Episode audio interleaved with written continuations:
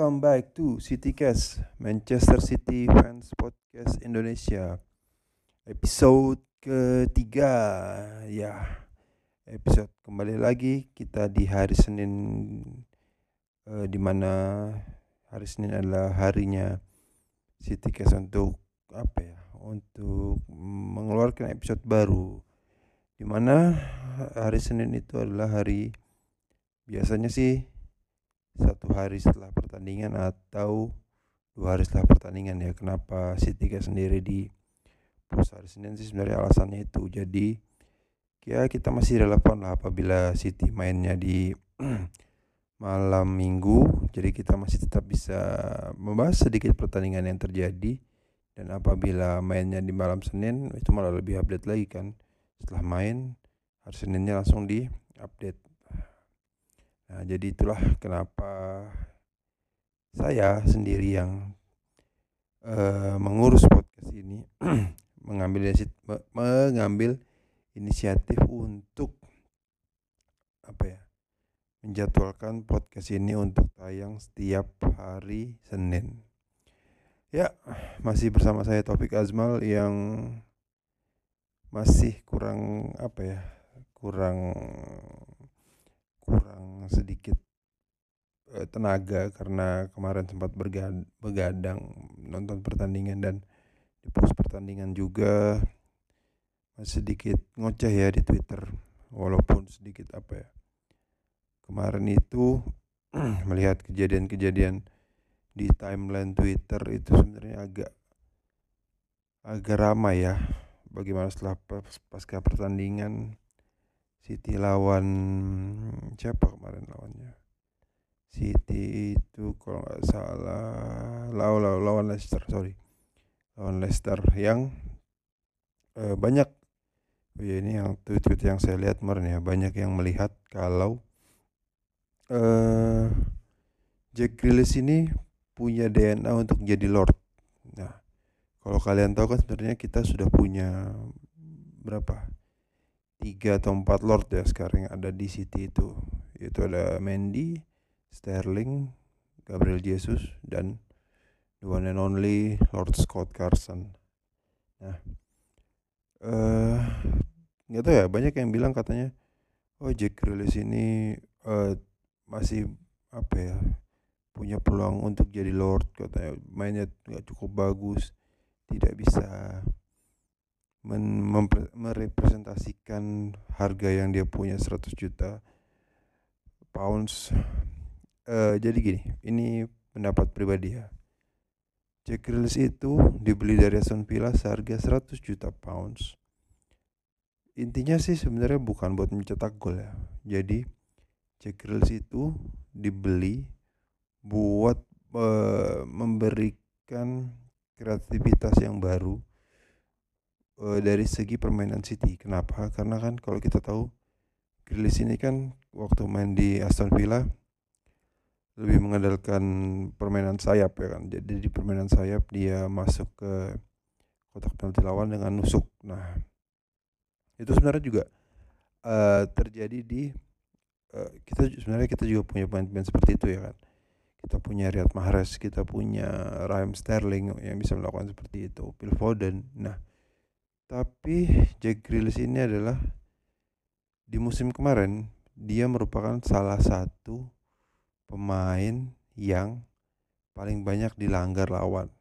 Jack Grealish nih ya karena kan dengan kemampuan dribblenya dia bisa melewati beberapa pemain sekaligus untuk menciptakan ruang bagi pemain-pemain City yang lain. Nah, itulah kenapa uh, Jack Grealish itu dibeli bukan untuk mencetak gol tapi lebih untuk menciptakan kreasi-kreasi peluang yang baru untuk Manchester City sehingga ada variasi lah. Karena kan kalau kita tahu uh, kalau kita tahu kan umpan-umpan City itu kan main umpan-umpan pendek dari sayap terus uh, terupas ke tengah cetak gol. Nah dari Jack Grealish ini juga kita bisa bikin variasi baru dalam hal serangan karena kalau kita lihat kemarin itu rata-rata ya, rata-rata pola serangan City itu mainnya di kiri, mainnya di kiri. Kenapa di kiri? Karena di situlah posisinya Jack Grealish berada. Karena kan kalau kita lihat kemarin itu posisinya, kita sedikit bahas posisi dulu ya. Uh, Jack Grealish itu main jadi sayap kiri. Di sayap kanannya ada Gabriel Jesus. Ini adalah formasi yang dipakai oleh Pep Guardiola di dua pertandingan terakhirnya. Jadi di pertandingan Leicester ini adalah pertandingan ketiga di mana Pep Guardiola tidak merubah line up-nya. Ya mungkin dia mager kali ya. Jadi oh ya udahlah. Datang pertandingan siapa yang main? Udah yang main yang kemarin aja lah. Mungkin kayak gitu ya. Tapi uh, ini bisa jadi adalah taktik Pep Guardiola untuk apa ya menyimpan taktik permainannya dia saat melawan Leipzig besok di Liga Champions hari Kamis Kamis malam malam eh malam Kamis nih Rabu malam. Nah jadi kan tiga tiga pertandingan beruntun kan dia memainkan line up yang sama di lini belakangnya Ederson yang katanya sempat nggak boleh main atas peraturannya Federasi Brazil lalu ada uh, Gabjes juga sih Gabjes sama Ederson tuh kemarin uh, berhal di, dikabarkan berhalangan bermain karena dapat sanksi dari uh, Federasi Brazil karena menolak untuk dipanggil. Nah di lini belakangnya di back itu uh, kalau aku bilang ini adalah salah satu bukan salah satu sih ya salah satu. Salah satu adalah lini belakang terkuat Manchester City sepanjang karir uh, Pep Guardiola melatih ya. Karena uh, dua back tengahnya itu udah mulai nyetel banget di mana si Ruben Dias dan Aymeric Laporte ini kan sebenarnya dua center back yang saling melengkapi lah di mana Laporte itu berfungsi sebagai ngalirin bola sedangkan Ruben Dias ini sebagai tembok pertahanan lah. Jadi dia yang ngeblok yang jatuh bangun tuh Ruben Dias dan Laporte tuh lebih ke mendistribusikan bola. Karena kalau kita lihat kemarin Laporte tuh sering ngasih umpan-umpan panjang entah ke Gabriel Jesus entah ke Jack Grealish. Nah jadi itu sebenarnya fungsinya dari uh, Emir Laporte sedangkan di back sayapnya itu ada Kyle Walker dan Joao Cancelo yang seorang back sayap kanan yang sering bukan sering malah sekarang kayaknya posisinya udah berubah di kiri. Karena sebenarnya kan dia bisa main di kanan kiri dan dua-duanya sama bagus. Karena kalau kita tahu back kiri kita ya begitulah. Hanya tertinggal tersisa Zinchenko karena Mendy sedang terlibat masalah ya kita doakan saja semoga main masalahnya main ini cepat selesai dan hmm, eh, setelah selesai itu mainnya jadi lebih lebih apa ya lebih waras lah. Karena kan kalau dulu tuh waktu awal dia masuk City itu kan mainnya udah masih oke okay tuh. Tapi setelah cedera itu yang membuat permainannya Mendy ini lebih menurun sih Lalu itu tadi di belakang di lini tengah ada Ilkay Gundogan, Rodri dan juga Bernardo. Sama-sama mempunyai apa ya? Mempunyai eh itu mempunyai keseimbangan di tengahnya. Kenapa? Karena Rodri ini kan tipe bertahan ya, defensive midfielder yang bisa mengalirkan bola Nah, eh, Gundogan di sini berfungsi sebagai penyeimbang antara Rodri dan juga Bernardo. Karena kalau kita lihat kemarin Bernardo kan pemain yang ada di mana-mana tuh kalau dilihat kemarin. Dia bisa lari dari sayap kiri sayap kanan terus umpan dari kiri crossing ke kanan. Itu pokoknya kemarin tuh Bernardo Silva itu kayak apa ya kayak mesin lah istilahnya bisa dia bisa ada di mana-mana sampai akhirnya dia bisa mencetak gol yang krusial lah itu kita bahas jalannya pertandingan nanti. Kita masih bahas line up. Terus di depannya itu ada Jack Grealish uh, Ferran Torres dan juga Gabriel Jesus yang di dua pertandingan terakhir kan kalau kita lihat Gabriel Jesus nih kayak reborn lah ya. Kayak bukan reborn juga sih mungkin dia udah menemukan posisi yang nyaman lah untuk dia bermain. Karena kalau kita tahu kan Gabriel Jesus itu kan uh, apa ya dia udah 2016 2016 sudah berarti udah hampir lima tahun di City. Tapi ya udah gitu-gitu aja. Belum belum bisa menggantikan posisi Aguero yang klinikal Gabjes ini pemain yang kurang klinikal sih. Tekniknya sih luar biasa. Nah karena dia kurang kurang klinikal jadi penempatannya posisi di sayap itu kurasa sudah tepat lah karena dia kan lebih mengandalkan speed dan juga gocek-gocekannya. Jadi saat gocek-gocekan itu dia bisa mengirim umpan ke depan gawang ke Ferran Torres yang Ferran Torres ini sebenarnya dia gimana ya dia kan dipaksa untuk kiri striker. Tapi posisinya juga agak bingung tuh kayaknya sih. Jadi dia masih bingung menempatkan posisinya di mana saat saat ada umpan dia harus ke mana tuh dia masih bingung untuk jadi posisi striker ini. Tapi eh, kadang dia bisa menciptakan gol dari sudut-sudut sampai kan kemarin tuh ada salah satu peluangnya dia sih. Salah satu peluangnya Ferran Torres uh, terobosan dari siapa? Gundogan apa ya? Tapi masih uh, melebar lah. Dan juga ada beberapa peluang juga yang sekali itu kalau salah diblok sama Soyuncu dan satu lagi ya ada pokoknya satu lagi itu lupa. Nah itulah yang ngebuat sebenarnya Ferran Torres ini bisa sih jadi striker yang bukan striker sih kalau dibilang false nine juga. Definisi false nine itu apa? Apakah tidak bermain tidak bermain menggunakan striker kalau dilihat sih kemarin menggunakan striker ya. Berarti Ferran Torres ini bukan sebagai false nine tapi sebagai sayap yang ditarik menjadi striker. Jadi sehingga fungsinya dia itu sebagai uh, pencetak gol sih pendorong aja. Karena ya karena kita tahu Ferran Torres kan punya teknik-teknik lah. Kadang dia bisa nyetak gol yang tidak diduga-duga. Karena kan di timnas Spanyol kemarin dia sempat nyetak dua dua atau tiga gol gitu di jeda internasional kemarin. Nah lalu uh, di sayap kiri itu ada Jack Grealish yang tadi di awal episode itu uh, aku bilang banyak orang yang meragukan kemampuan Jack Grealish ini.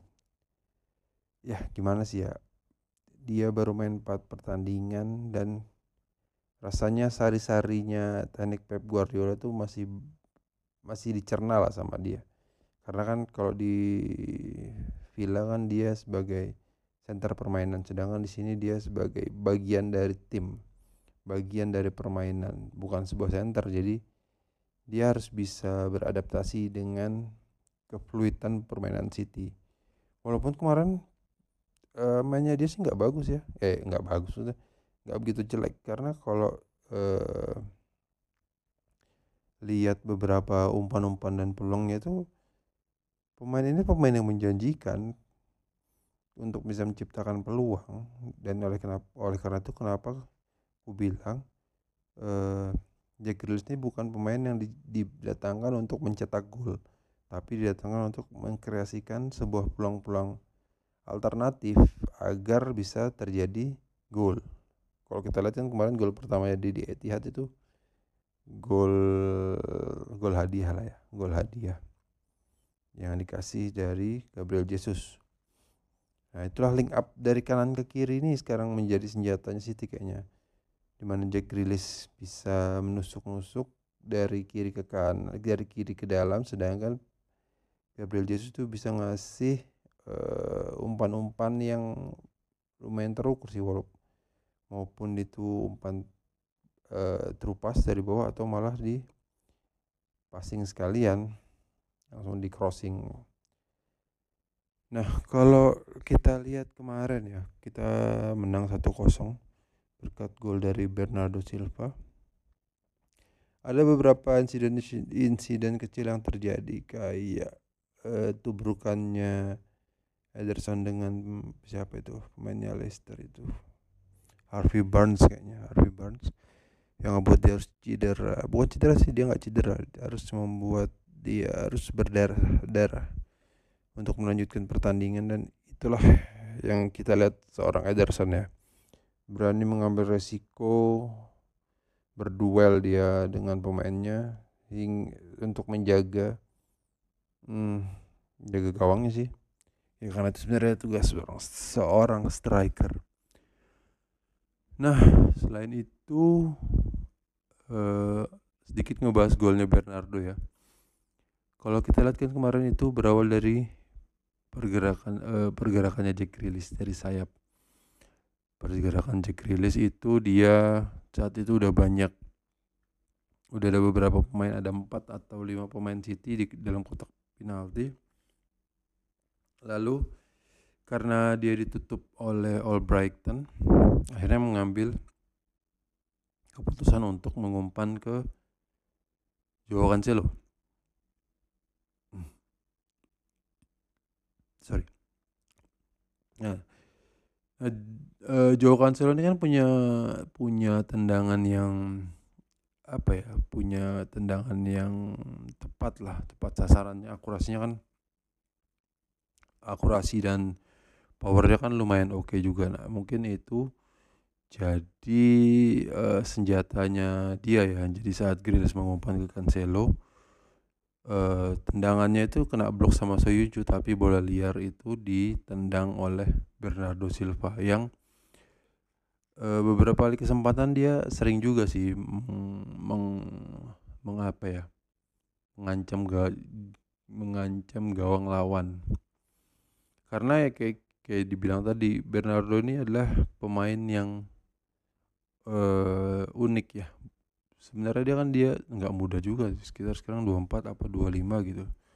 Pemain yang udah mulai masuki masa peaknya pemain yang di musim panas kemarin dikabarkan akan cabut tapi malah memutuskan untuk bertahan dan memperjuangkan tempatnya di sini dia pemain yang gila sih pemain yang punya etos kerja yang baik sehingga uh, saat semua saat dia bersabar Bernardo Silva ini bisa memberikan hasil-hasil yang luar biasa. Semoga lah ya, semoga kita bisa ngelihat lagi uh, permainan Bernardo Silva saat dia di musim 2018-2019 saat jadi pemain terbaiknya City waktu itu. Uh, ya itu aja kali ya untuk episode kali ini. Uh, jangan lupa nanti di hari Rabu ada pertandingan City lawan RB Leipzig yang apa ya ini pertandingan pertama pertandingan yang seru ya karena kita bakal lihat Angelino pulang kampung dan juga eh kalau kemarin lihat sedikit menonton pertandingannya Leipzig lawan siapa? Lawan Bayern Munich sih. Kan kalau kita tahu Munchen kan Munich Munchen itu kan gaya bermainnya rata-rata sa, uh, sama kayak City lah tapi ya kita nggak tahu ya di Liga Champions apa pun bisa terjadi. Jadi ya kita sel selalu dukung City aja mau dia menang mau dia kalah. Buat teman-teman buat teman-teman Citizens sekalian uh, aku cuma mau bilang untuk setiap pemain uh, coba untuk didukung lah. Karena kita kan sebagai fans walaupun kadang bisa lah merasa kurang apa ya kurang begitu kurang sesuai dengan permainan yang dia lakukan dengan apa yang kita mau. Tapi uh, pemain-pemain itu adalah pemain-pemain Manchester City yang harus sebenarnya harus tetap kita dukung apa pun yang terjadi. Ya mungkin uh, itu aja untuk episode kali ini. Uh, sampai jumpa di episode selanjutnya. Bye bye